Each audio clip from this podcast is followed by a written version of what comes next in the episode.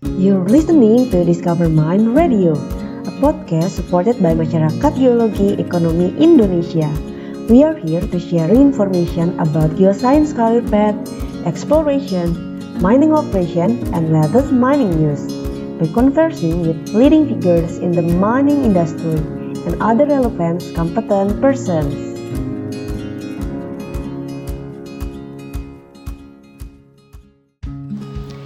Welcome to Discover Mind Radio.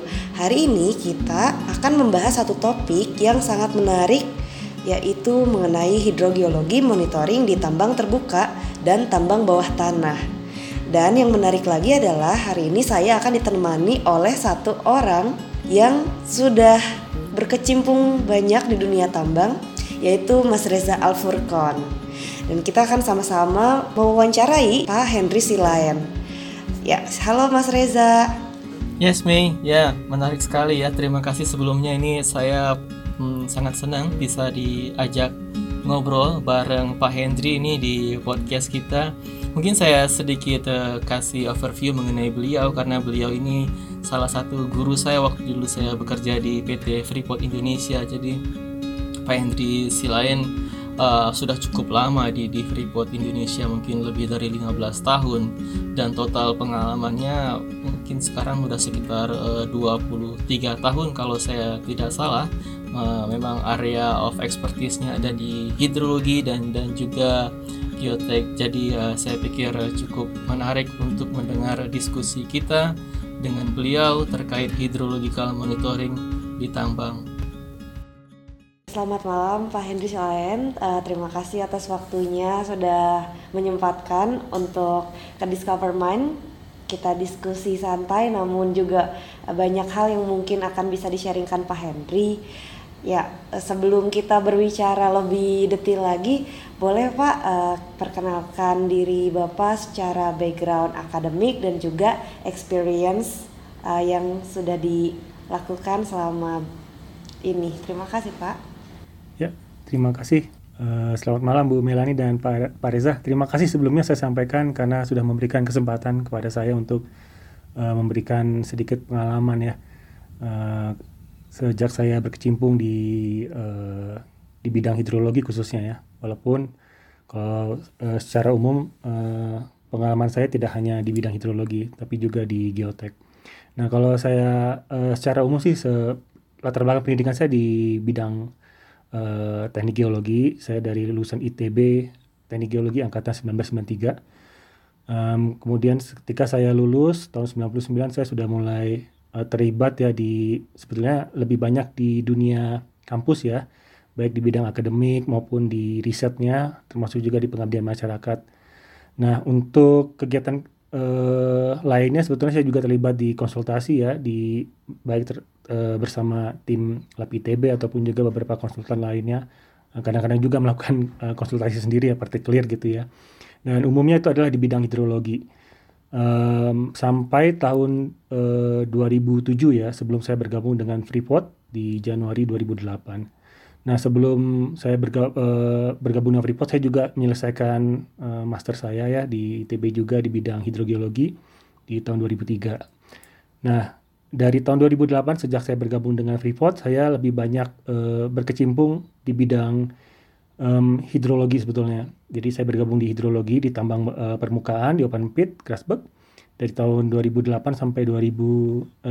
Kemudian di 2012 saya pindah ke geoteknik uh, open pit uh, Grasberg dari 2012 sampai 2014. Kemudian saya pindah juga ke sipil geotek jadi keluar dari tambang itu sipil geotek selama setahun aja di tahun 2015. Di tahun 2016 saya pindah ke tambang bawah tanah bergabung sama teman-teman di underground. Uh, awalnya saya bergabung di hidrologi selama tiga setengah tahun ya dari tahun 2016 sampai 2019 pertengahan sebelum akhirnya saya bergabung di uh, di departemen geoteknik dari 2019 pertengahan hingga saat ini.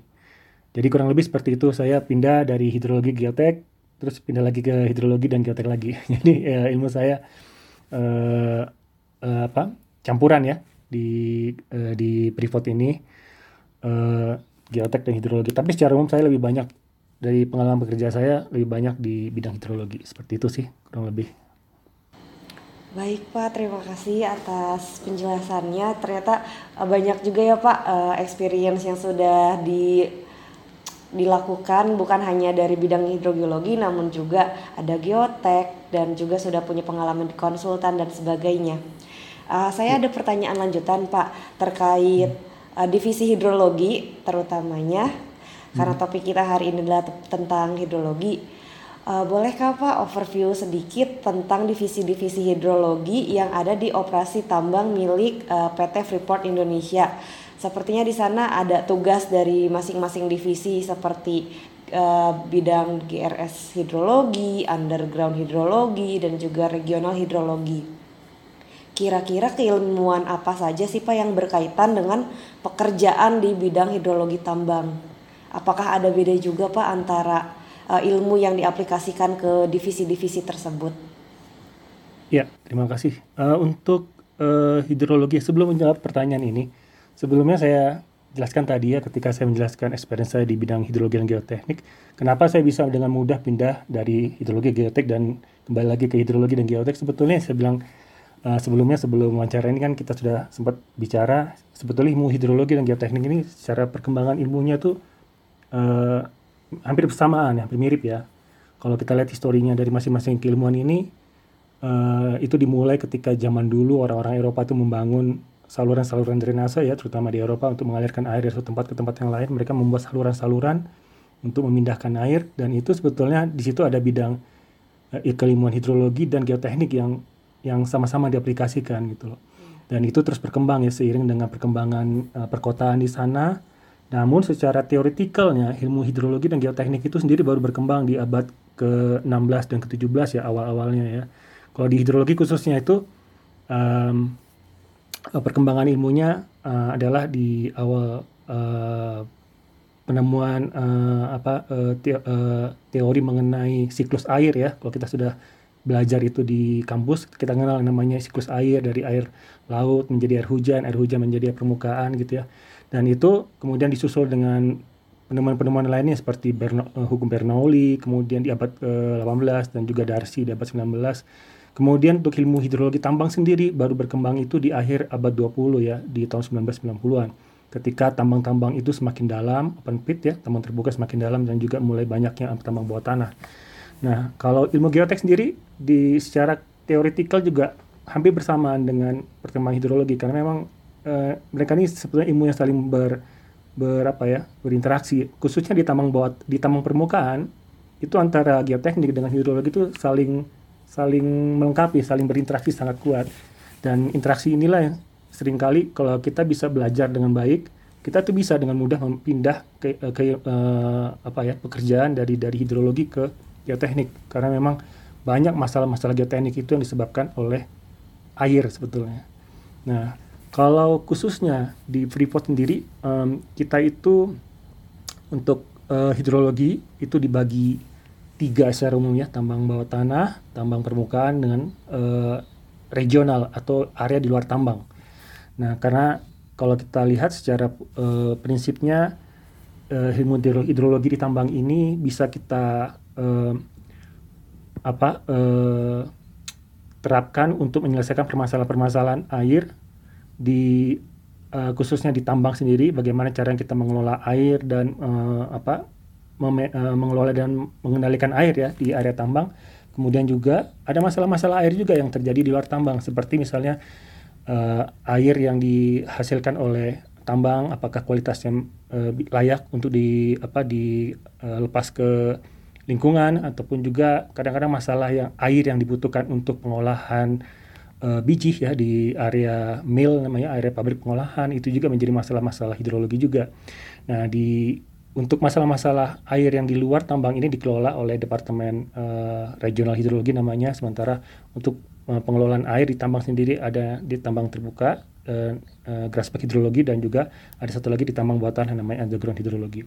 Di underground sendiri sebetulnya ada beberapa tambang, jadi memang underground hidrologi ini departemen yang besar dibagi beberapa tambang, ada yang ngurusin tambang DMLZ, GBC dan uh, tambang uh, Bigosan. Jadi emang cukup besar ya uh, uh, apa uh, ininya uh, skala uh, organisasi untuk underground hidrologi.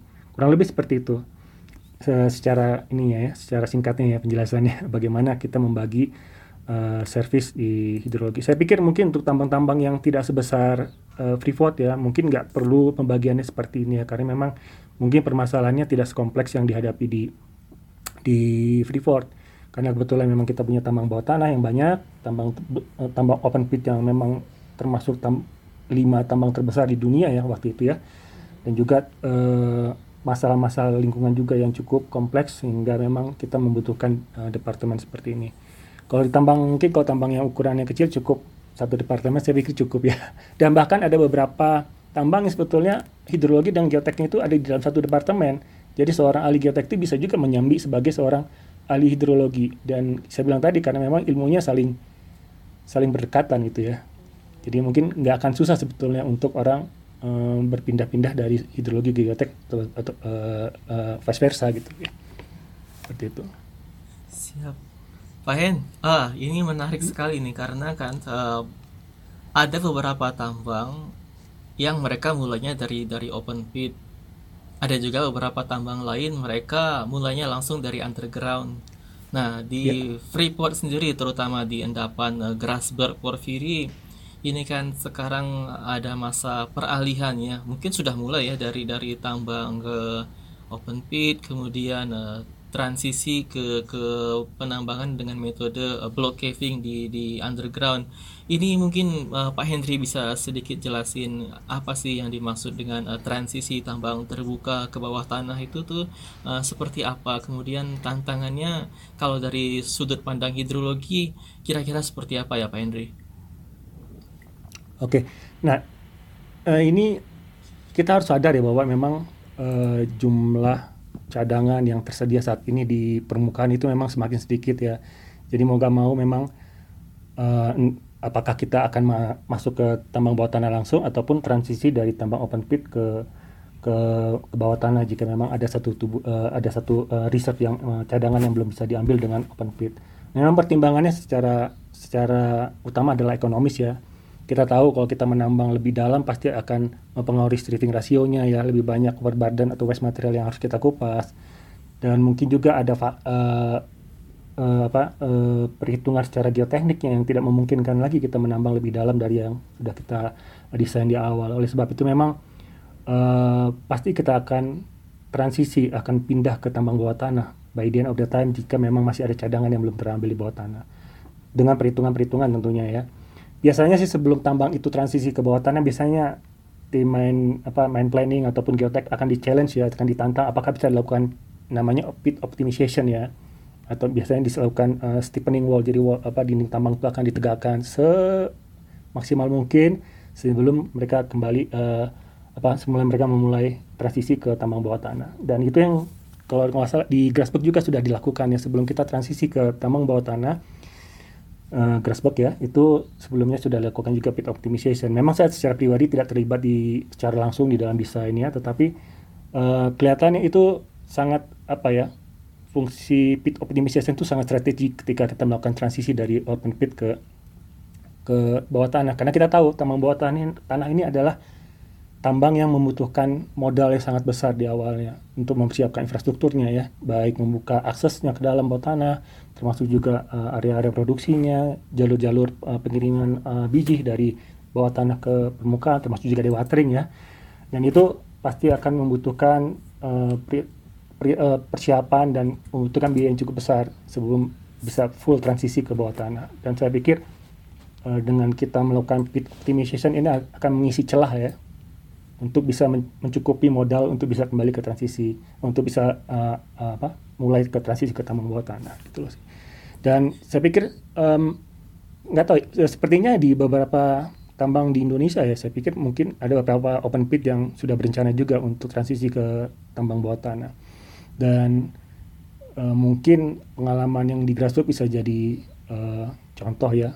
Kita sebetulnya transisi dari open pit ke tambang bawah tanah itu sudah direncanakan lama ya. Dan waktu itu diskedulkan akan dilakukan di tahun 2016 cuma karena ada beberapa masalah ya di non teknis dan teknis juga di uh, tambang open pit sehingga akhirnya transisi itu terjadi tahun 2019 ya ketika tambang GBC dimulai berproduksi Dan persiapan-persiapan sudah lama kita lakukan. Kita sudah melakukan uh, pertemuan-pertemuan, mempersiapkan um, apa ya, mencoba melihat potensi-potensi masalah apa saja yang bisa terjadi ketika kita transisi ke tambang bawah tanah.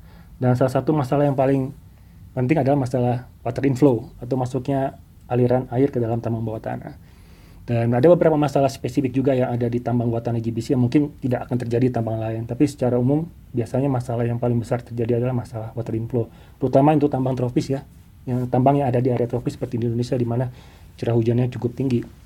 Dan jadi memang uh, kita sudah antisipasi itu sudah sejak lama. Tahun 2014 kita mulai melakukan uh, pertemuan-pertemuan untuk me, mengakses resiko-resiko atau masalah-masalah yang bisa terjadi ketika kita transisi ke tambang bawah tanah ini sangat uh, apa ya uh, sangat menolong kita. Jadi uh, transisi ini tidak mudah tapi mau nggak mau harus kita lakukan.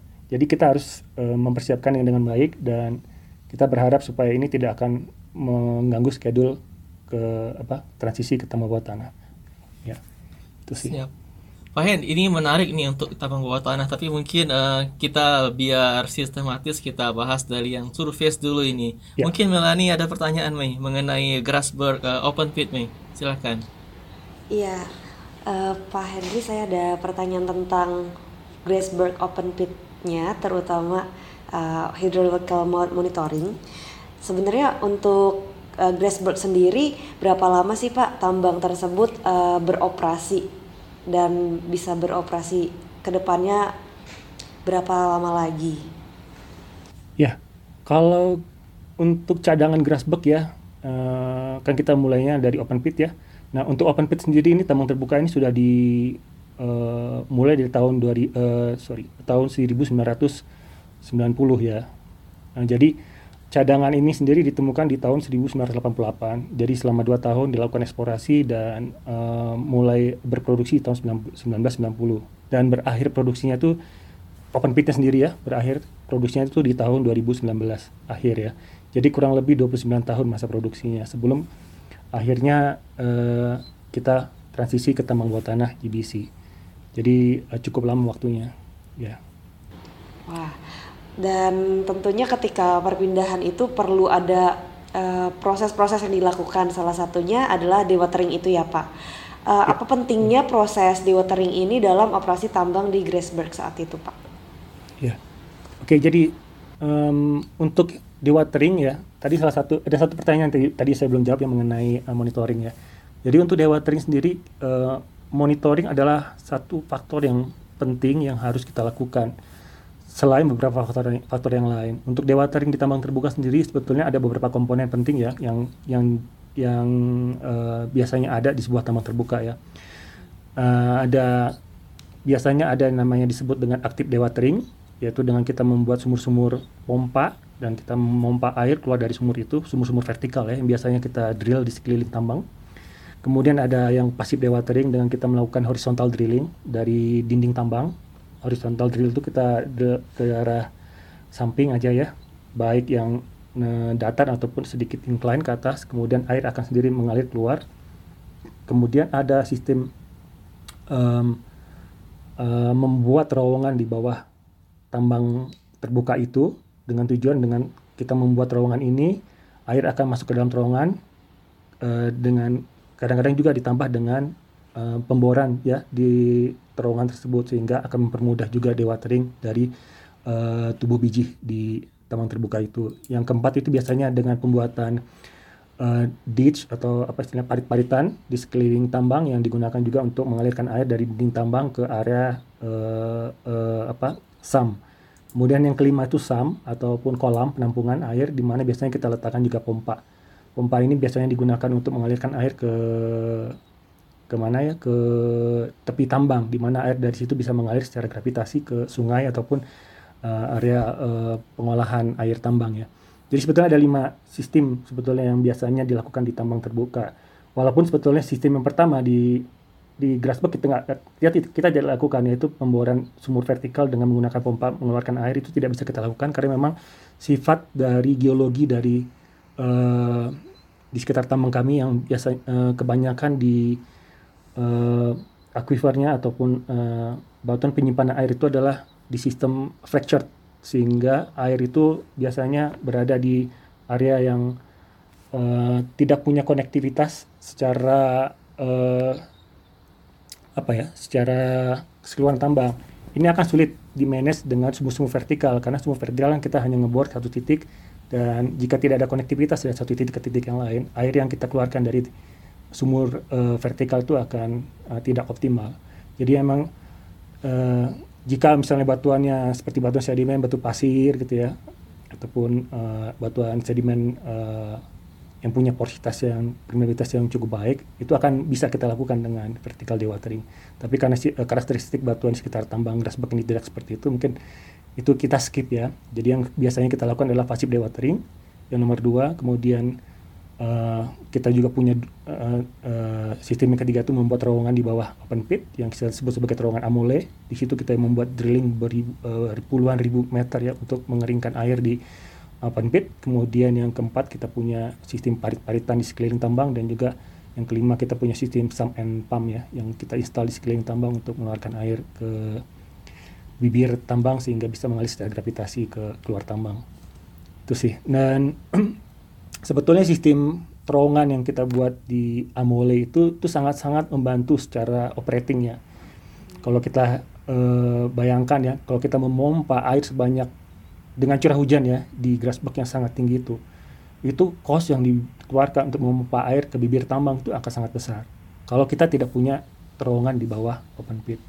Dan ini terowongan ini sangat sangat membantu kalau saya boleh hitung kalau sebetulnya secara teori ya untuk mengeluarkan air satu meter kubik ya menaikkan air satu meter kubik sejauh 100 meter ya setinggi 100 meter itu kurang lebih kita membutuhkan energi sekitar 0,4 0,4 atau 0,5 kilowatt per hour. Itu equal dengan biaya kurang lebih kalau misalnya satu kWh itu 1.500 rupiah itu kurang lebih sekitar 700 uh, eh, ya sekitar 700 rupiah untuk memindahkan satu meter kubik sejauh 100 meter. Dengan anggaplah luasan tambang grassroot itu sekarang 4,4 km persegi ya yang di dalam bibir tambang dengan curah hujan 4000 mm per tahun itu bisa kita hitung costnya itu bisa puluhan miliar itu biaya energi saja yang digunakan untuk memompa air dari uh, dasar tambang ke bibir tambang. Belum lagi kita hitung cost untuk kapital yang membeli pompa, ya pipa untuk mengalirkan air, kemudian juga pemeliharaan, jumlah orang yang harus digunakan untuk memelihara sistem itu. Belum lagi kita juga hitung biaya pembuatan SAM, ya paritan-paritan dan lain-lain. Biaya dewatering itu akan sangat mahal. Jadi sistem uh, pembuatan terowongan ini ya bersyukurnya karena di Freeport itu berada di topografi yang cukup ekstrim sehingga kita bisa membuat terowongan amole di bawah open pit dan itu sangat ja, amat mengurangi biaya operasional dari sistem dewatering di di tambang gas sebetulnya. Wah, uh, sekarang sudah agak kebayang. Dan sebenarnya pertanyaan yang saya ingin tanyakan selanjutnya sepertinya tadi sudah sedikit dibahas ya Pak, uh, mengingat curah hujan yang tinggi dan juga adanya di Watering Challenge uh, seperti apa saja program-program yang dilakukan. Uh, salah satu yang tadi adalah terowongan Amole ya Pak. Apakah ada program lain yang dilakukan untuk menghadapi challenge-challenge itu Pak? Ya, ya oke. Okay. Jadi yang biasanya yang kita sering selalu, selalu rutin lakukan adalah selain yang sistem yang sudah disebutkan tadi pembuatan terowongan itu di awal ya di awal 90-an sampai uh, 2000-an itu melakukan pembuatan terowongan dan juga drilling sangat banyak ya ke bawah open pit. Kemudian yang kita lakukan sejak awal 2000 sampai tutup tambang itu kita melakukan pasif dewatering yang nomor dua tadi itu. Dan itu selalu kita rutin lakukan khususnya karena memang walaupun kita sudah melakukan dewatering di melalui terowongan di bawah open pit, ada daerah-daerah atau sektor-sektor di sekeliling open pit itu yang tidak bisa kita dewatering menggunakan sistem pemboran seperti itu karena memang sifat batuannya yang sangat mempunyai permeabilitas yang sangat rendah dengan curah hujan yang tinggi sehingga air itu sempat tertahan di batuan tersebut dan meningkatkan pore pressure atau tekanan pori. Dan itu sering kali menyebabkan uh, longsoran dan itu pernah terjadi ya. Dan itu pelajaran yang sangat berharga buat kita sehingga sejak saat itu kita melakukan banyak uh, uh, pasif dewatering drilling dengan menggunakan uh, diamond drill di dinding tambang di daerah-daerah yang mempunyai permeabilitas rendah itu. Tujuannya agar kita bisa mengurangi pore pressure yang terbentuk oleh air hujan, sesaat oleh air hujan. Itu yang selalu kita rutin lakukan sampai kita tutup tambang itu. Ini tujuannya untuk memastikan bahwa daerah tersebut tidak bergerak ya.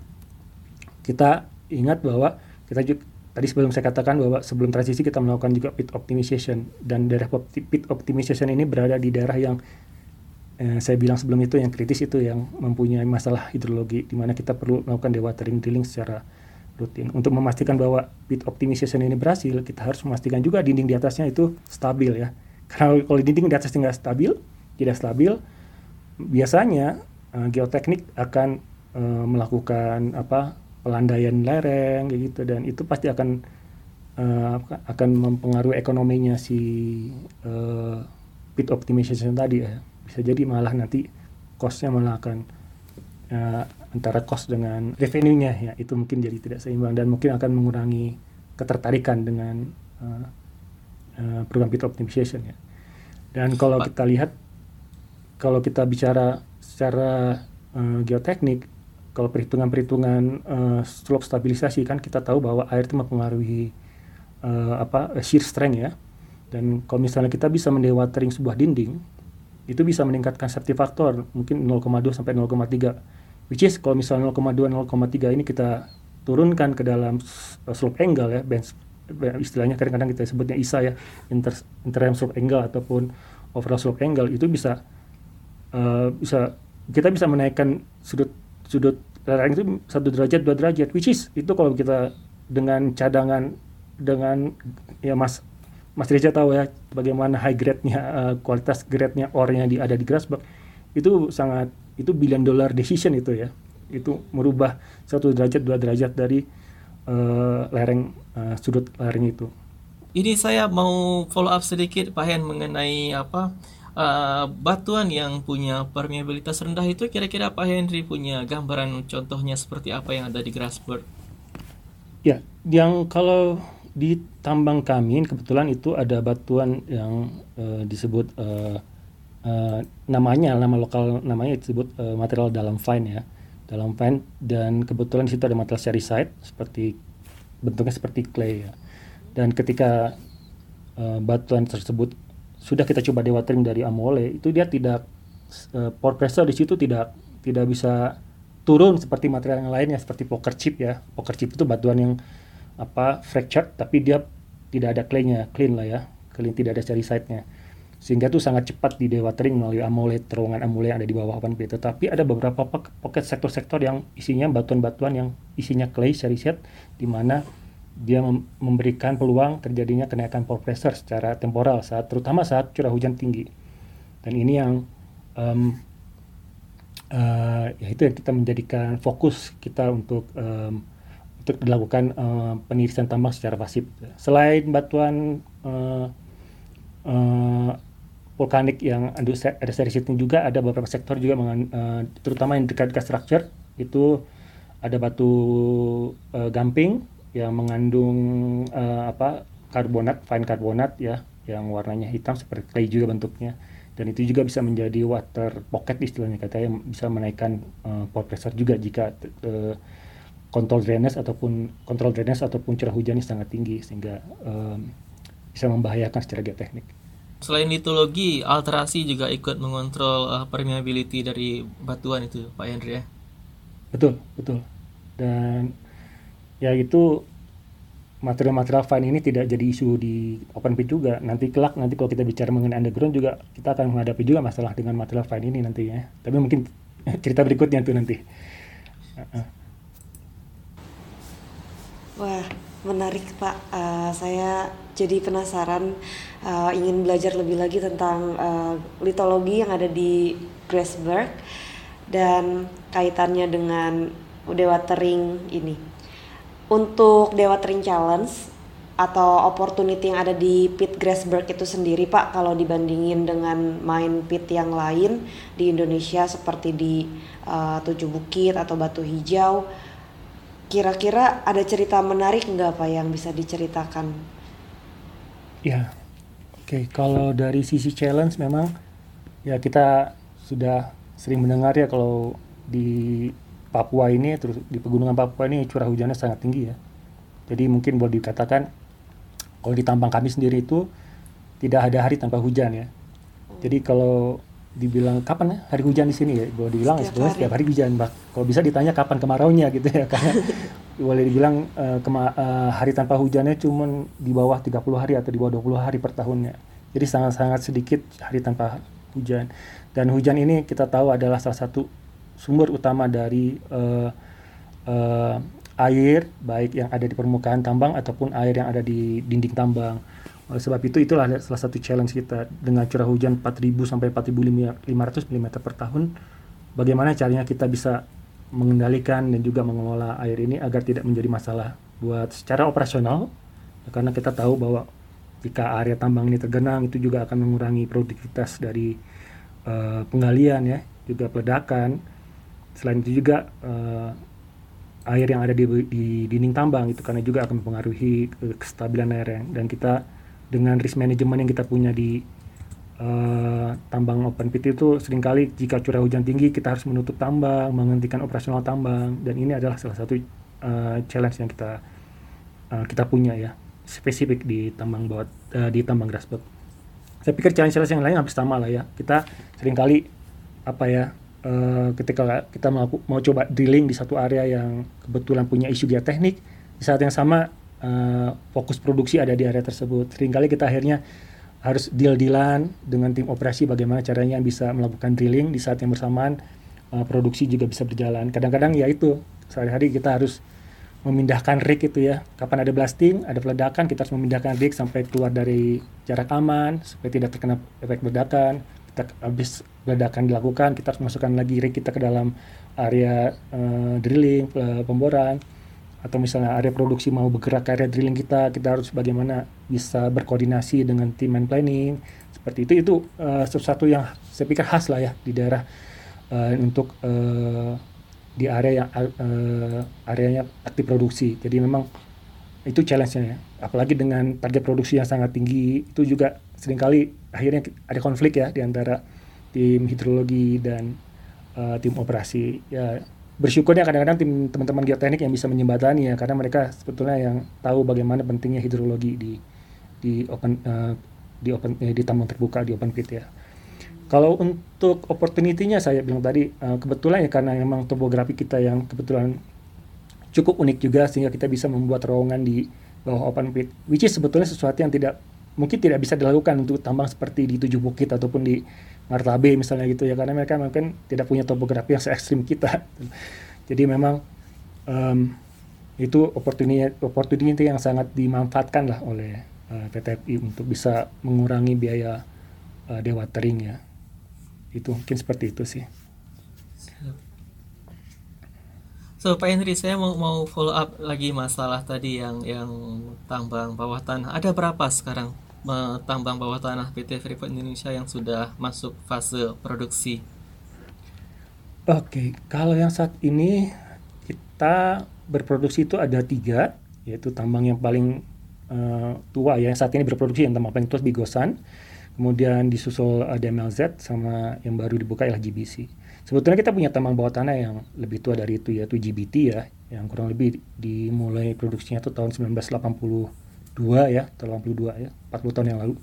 Kemudian disusul IOZ dan DOZ ya, di tahun DOZ itu tahun 1990 tapi akhirnya tahun 2000 ya di eh, mulai produksi dengan block caving. Kemudian kita lanjut ke DMLZ yang ada di bawah DOZ itu itu tahun 2016 eh 2015. Kemudian GBC lah ya di tahun 2019. Ada Bigosan juga ya kurang lebih tahun 2000-an juga dimulai produksinya. Ke depan kita akan buka lagi tambang kucing liar ya rencananya. Mudah-mudahan jika eh, persiapannya bisa berjalan baik mungkin di tahun 2028 akan bisa mulai berproduksi ya. Dan seperti itu. Ya cukup banyak ya tambang eh, bawah tanah eh, milik PT Freeport Indonesia dan saya yakin ya setiap eh, tambang bawah tanah punya problem tersendiri. Cuman mungkin saya mau fokus sedikit eh, di di deposit Grasberg Block Cave aja mungkin dengan kucing liar ya karena itu lokasinya berdekatan dan mereka ada di bawah tambang terbuka Grasberg. Itu kira-kira kalau misalnya ambil contoh lah Grasberg Block Cave itu permasalahan untuk hidrologinya kira-kira kalau yang sekarang dihadapi seperti apa Pak Henry? Ya, kalau em, Ya, jadi dari um, apa investigasi atau uh, evaluasi kita lakukan ya sebelum tambang GBC dibuka ya, yang saya ceritakan tadi tahun 2014 itu sudah mulai kita lakukan studi-studi mengenai potensi-potensi permasalahan yang akan terjadi di GBC dan memang sampai saat ini sebetulnya masalah yang paling besar yang dihadapi itu adalah benar sama seperti yang sudah kita evaluasi adalah masalah water inflow atau uh, aliran air yang masuk ke dalam tambang.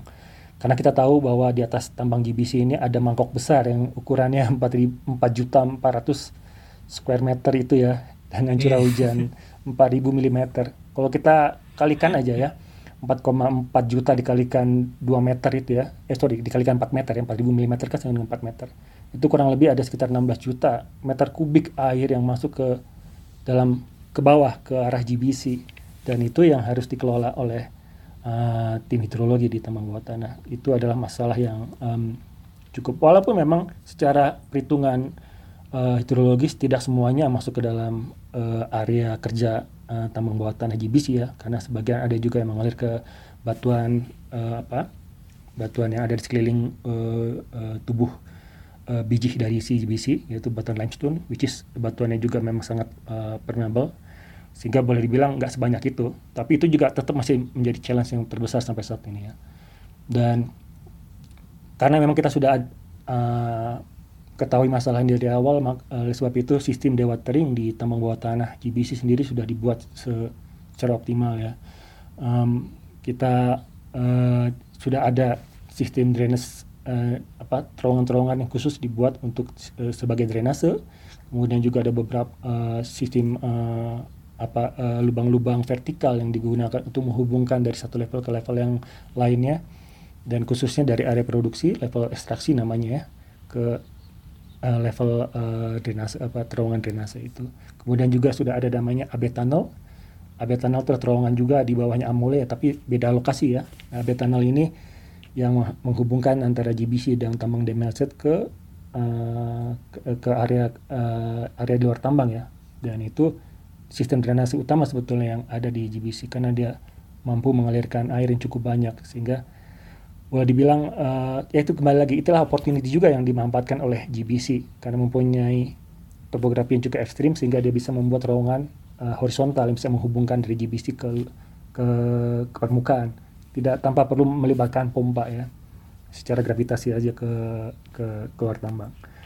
Dan selain masalah uh, aliran air masuk ke dalam tambang air karena itu juga bisa satu bisa menyebabkan interupsi ke produksi ya jika terjadi banjir kedua juga walaupun tidak dengan volume yang besar jika air ini berinteraksi dengan material halus ini juga bisa mengenerate yang kita sebut sebagai lumpur basah ya dan lumpur basah ini kita tahu secara historikal sejarah dari tambang-tambang lain seperti DOZ dan IOZ itu bisa menyebabkan gangguan produksi juga dan keselamatan kerja. Oleh sebab itu, ini juga yang selalu di manage teman-teman uh, tim underground hidrologi bagaimana caranya bisa dipetakan dengan baik uh, draw point draw point atau titik-titik penarik, uh, titik-titik penarikan yang masih kering dan atau yang sudah berubah menjadi basah. Kemudian uh, strategi uh, pengambilan bijinya jika memang sudah menjadi wet mark material maka biasanya kita akan melakukan uh, pengambilan dengan remote loader ya dengan sistem uh, uh, uh, apa jarak jauh ya sehingga tidak melibatkan lagi operator di dalam alat tarik tersebut dan itu akan mengurangi risiko dan ini tim teman-teman underground hidrologi sangat mempunyai sangat peran sangat penting di dalam uh, bagaimana melakukan pemetaan dan memberikan informasi ini ke tim geoteknik ataupun juga tim produksi. Selain uh, itu juga kita melakukan um, apa uh, drilling dewatering tetap ada pen, uh, apa pemboran penirisan tambang itu di sekeliling uh, GBC tujuannya untuk menurunkan juga muka air di sekeliling uh, GBC tambang bawah tanah ini sehingga tidak tidak banyak se, bisa meminimalkan sebanyak mungkin aliran air dari uh, air tanah ke arah tambang. Karena kan ada dua, dua air yang masuk nih. Air yang mm -hmm. berasal dari open pit, yang berasal dari air hujan langsung ke bawah ke grasspacknya, ke GBC-nya. Ada juga aliran dari batuan limestone di sekelilingnya yang masuk dari samping ke arah tubuh bijinya. Jadi dua hal ini yang harus kita kendalikan juga gitu loh. Kalau kontrol nah. geologi sendiri Pak Hendri misalnya kayak apa uh, jenis litologi ataupun mungkin struktur geologi, patahan-patahan yang ada apa itu cukup membantu dalam proses dewatering di tambang bawah tanah Grasberg Block Cave? Ya, ya betul. Mbak Reza jadi sejak awal ketika kita mendesain penir, uh, program penirisan tambang di uh, khususnya untuk pemboran penirisan tambang ini kita membutuhkan data-data geologi baik dari tipe litologi yang uh, batuan-batuan apa saja yang mempunyai potensi me menyimpan dan meng uh, mengalirkan air yang cukup banyak dan juga struktur-struktur geologi apa yang bisa mengalirkan air dan uh, yang cukup banyak. Dan itu menjadi target dewatering uh, drilling kita dari sejak awal. Dan secara uh, secara umum batuan-batuan limestone atau batu gamping yang ada sekeliling dari tubuh bijinya GBC inilah adalah salah satu uh, uh, mempunyai permeabilitas yang sebetulnya sangat rendah. Karena memang batuan ini sudah umur, umur sudah sudah sangat tua dan juga berada di kedalaman yang cukup dalam ya. Sehingga iya. sebetulnya batuannya sangat sangat tight ya sangat perba, sangat impermeable bahasa awamnya. Tetapi ada beberapa zona di dalam batu gamping ini yang mempunyai uh, ya sebilang tadi mempunyai uh, apa zona mempunyai apa fracture yang lebih tinggi ya. Kemudian juga biasanya ada di kontak litologi, kemudian juga ada yang di daerah dekat-dekat struktur atau fault seperti di yang besar adalah Grasberg Fault, ada beberapa fault yang lain ya, seperti di Fairy Lake atau Marine Valley, Carstens Fault, itu juga menjadi target di watering kita.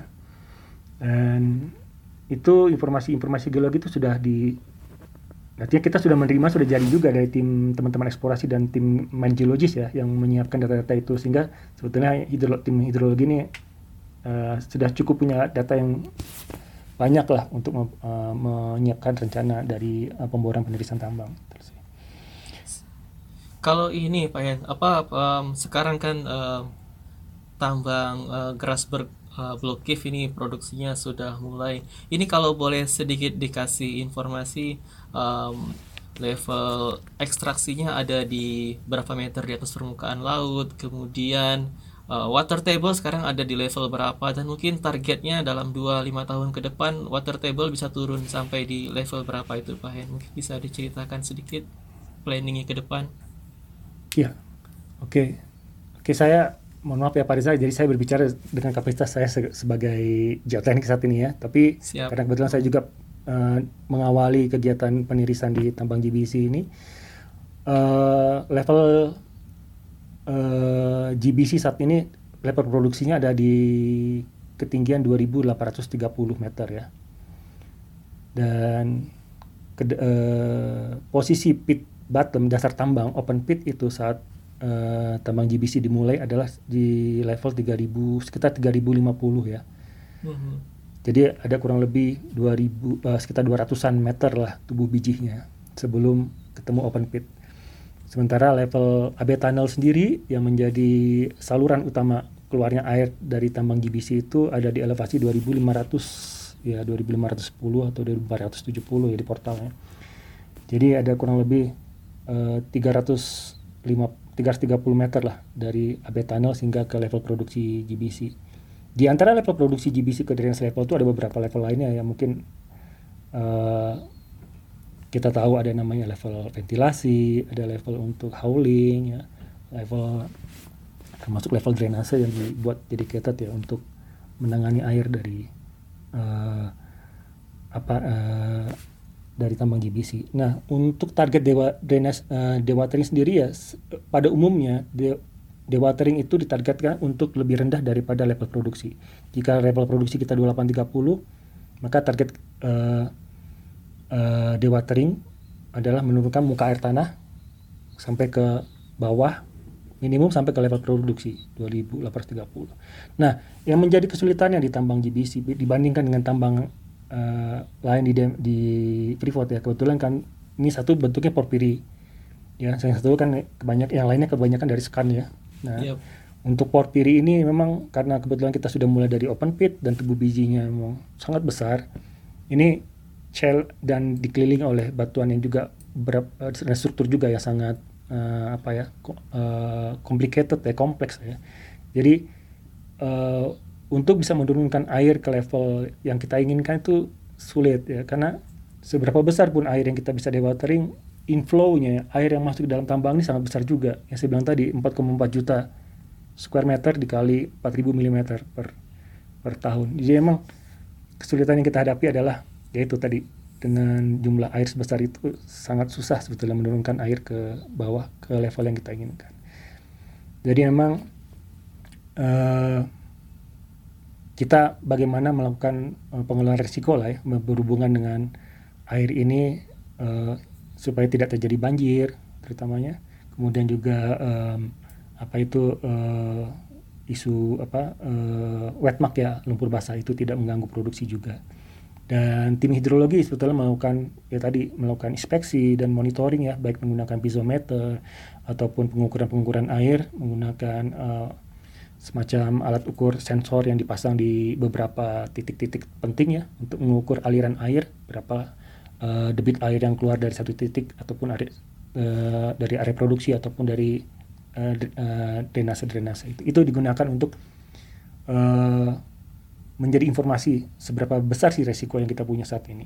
Termasuk juga stasiun-stasiun curah hujan yang ada di Grasberg itu juga yang digunakan untuk menjadi sistem early, early warning system ya, supaya ketika curah hujan tertentu kita memberikan alert ke tim produksi, hey curah hujan saat ini ada kurang lebih sekian, ini kita akan ada potensi terjadinya banjir ataupun aliran air yang lebih besar ke dalam tambang, which is akan meningkatkan resiko kepada kegiatan produksi di tambang GBC. Lebih banyak seperti itu.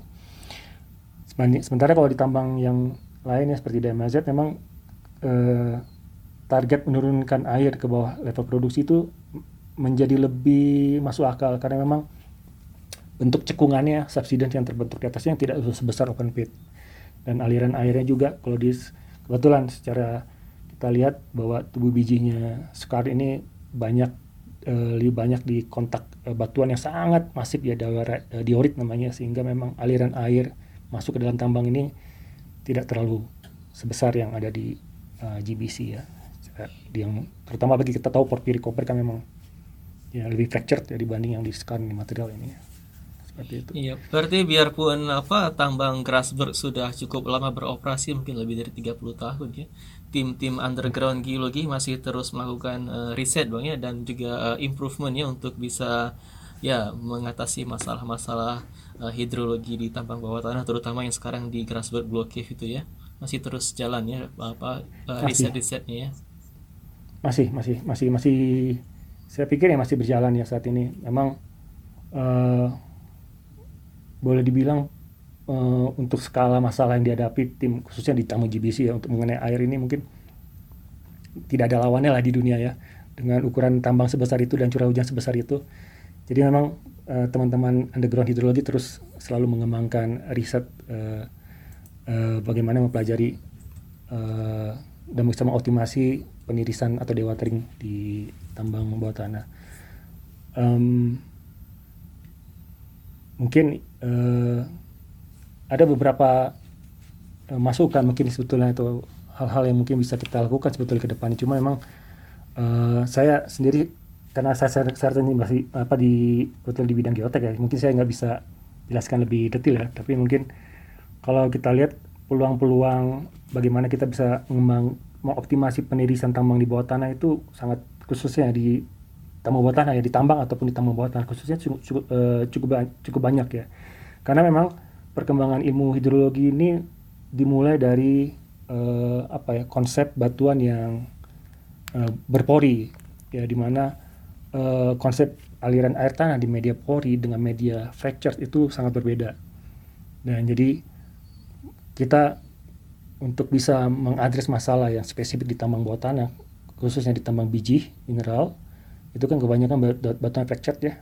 Nah ini uh, kita perlu banyak riset bagaimana caranya men apa ya me, uh, salah, satu, salah satu contohnya ya menghubungkan antara pore pressure dengan uh, fractured system.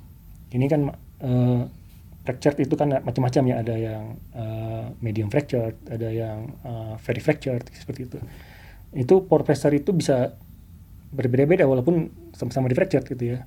Karena tergantung aliran airnya. Kalau misalnya di batuan yang very, fractured, mungkin aliran airnya akan lebih cepat sehingga pore pressure-nya behaviornya akan berbeda dengan batuan yang di misalnya low fracture system seperti itu.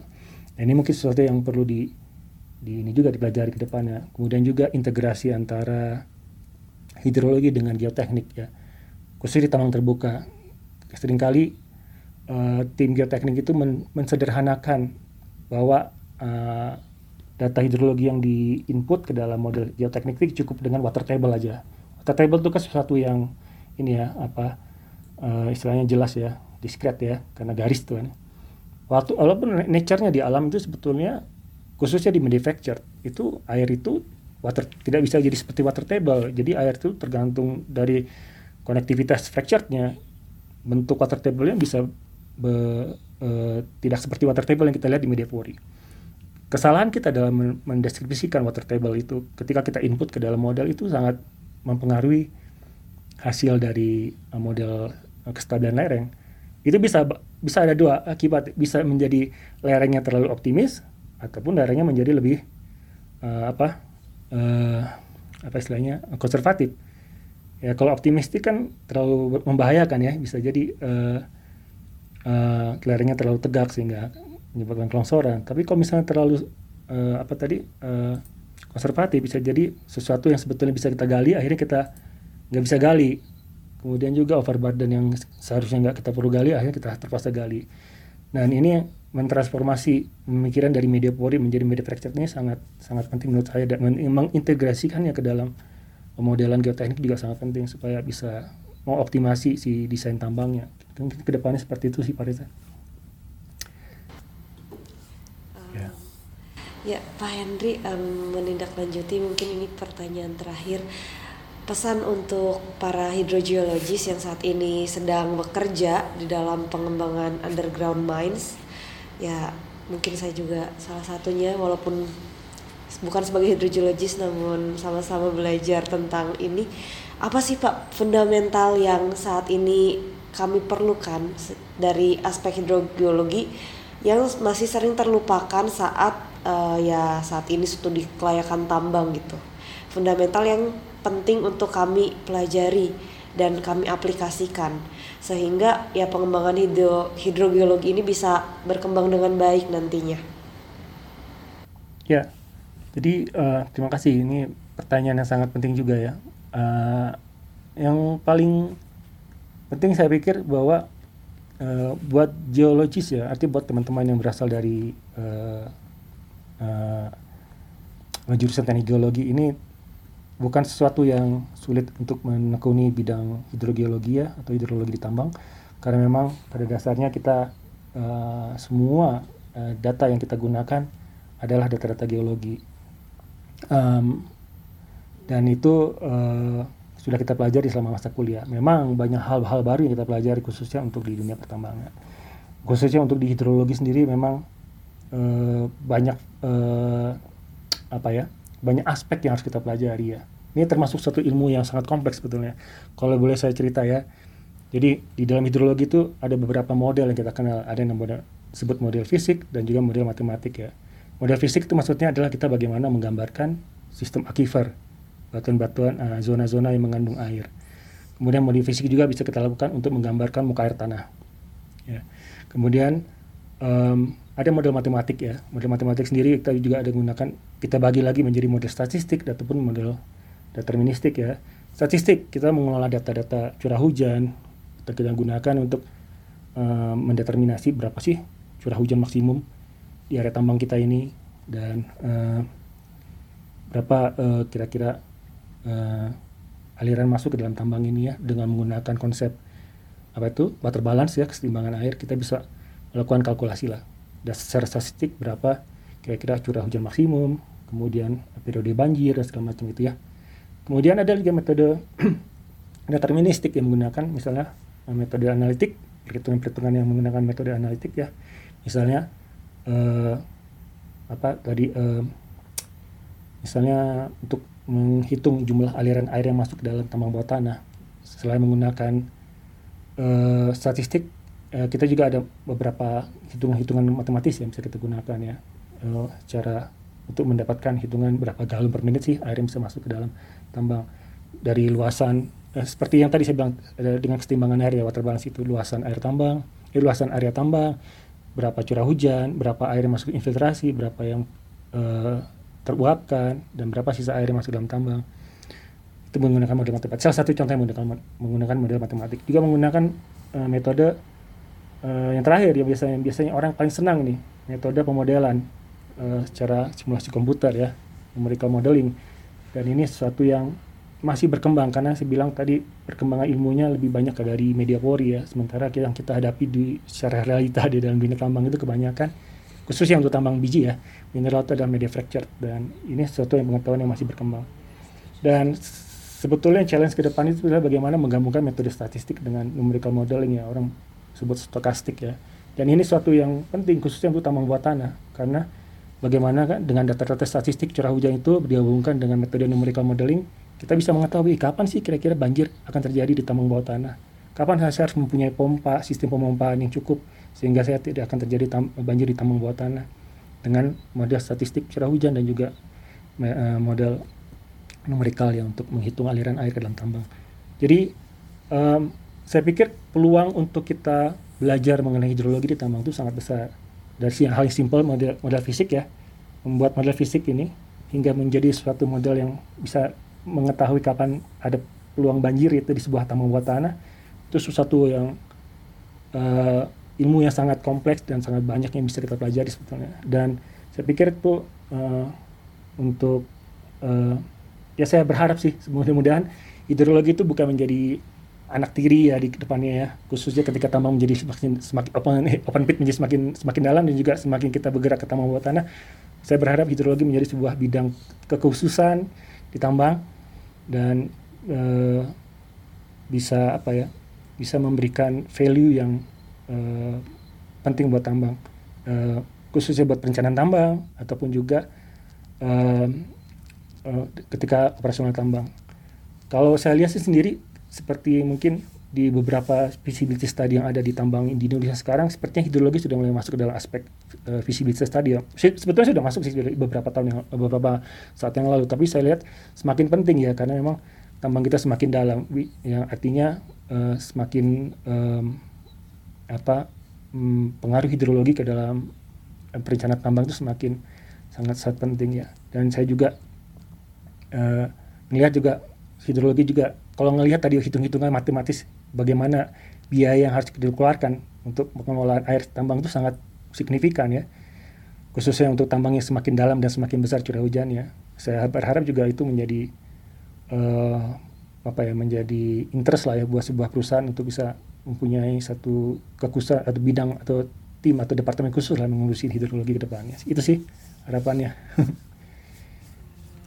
Ya. Terima kasih banyak Pak Henry atas sharing-sharingnya. Pastinya uh, kami akan mempelajari lebih lagi atas bahasan dan penjelasan yang Pak Henry uh, sharingkan barusan. Thank you for listening to Discover Mind Radio. Please send your support and reviews to discovermindradio at gmail.com. See you on the next episode. Bye!